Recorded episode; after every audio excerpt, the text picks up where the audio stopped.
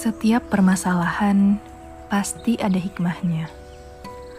Kalau belum ketemu hikmahnya apa, berarti belum selesai. Lalu cara menyelesaikannya bagaimana? Hadapi, bukan lari. Ibaratnya seperti berjalan di terowongan gelap yang panjang. Takut, gusar, bingung, itu manusiawi tetapi ingat, kalau terowongan itu pasti ada ujungnya, ada jalan keluarnya. Maka satu-satunya cara untuk tiba di jalan keluar itu ya terus berjalan, bukan diam dan bersembunyi. Kabur dari situasi karena merasa tidak sanggup lagi, melakukan hal-hal tidak berguna yang hanya merugikan diri sendiri dan orang lain demi mendapatkan kesenangan sesaat, sebenarnya itu hanya menunda penyelesaian. Karena cepat atau lambat, mau tidak mau, suka tidak suka, kita harus menghadapinya. Maka jika ada yang bertanya, apa yang dapat mempercepat permasalahan itu usai? Jawabannya adalah Tuhan. Masalah itu Tuhan ciptakan sepaket dengan solusinya.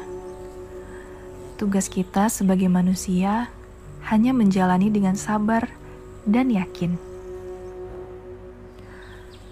Merasa sepi dan sendiri karena semua terasa meninggalkan dan tidak ada yang memahami. Tunggu, tidak usah menyalahkan hidup sehingga merasa diri adalah korban dari kerasnya dunia merasa dunia ini tidak adil kepada kita, padahal sebenarnya dunia ini memang tidak adil untuk semua orang. Barangkali selama ini kita terlalu bergantung pada hal-hal dunia, pada materi. Makanya, Tuhan mengambil segala hal yang kita kira kita miliki, hingga tidak ada yang tersisa kecuali diri kita dan Dia. Tujuannya agar kita kembali bergantung dan berharap hanya kepadanya. Harusnya kita bersyukur, karena itu pertanda bahwa Tuhan sedang merindukan kita. Ia ingin kita dekat lagi dengannya. Mencari kebahagiaan, ketenangan, dan keadilan yang sejati Bukan dunia tempatnya. Ada satu perkataan seorang teman yang berbeda keyakinan denganku, tapi terpatri di kepalaku hingga saat ini. Ia berkata bahwa Tuhan tidak pernah menjanjikan jalan selalu mulus dan indah.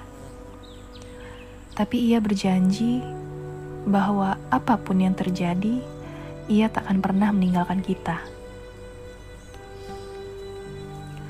Seluruh kesukaran dan kesakitan itu, serta keletihan dalam beribadah. Jika benar niat kita hanya karenanya, maka sesungguhnya di balik itu semua sudah disediakan pahala dan penggugur dosa-dosa kita.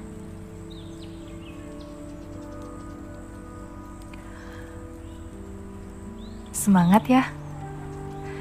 Tetap berprasangka baik kepadanya hadapi hidup dengan berani, buka pikiran dan hati agar diri bisa menerima semua pelajaran yang ingin hidup ajarkan. Jangan merasa paling benar sendiri.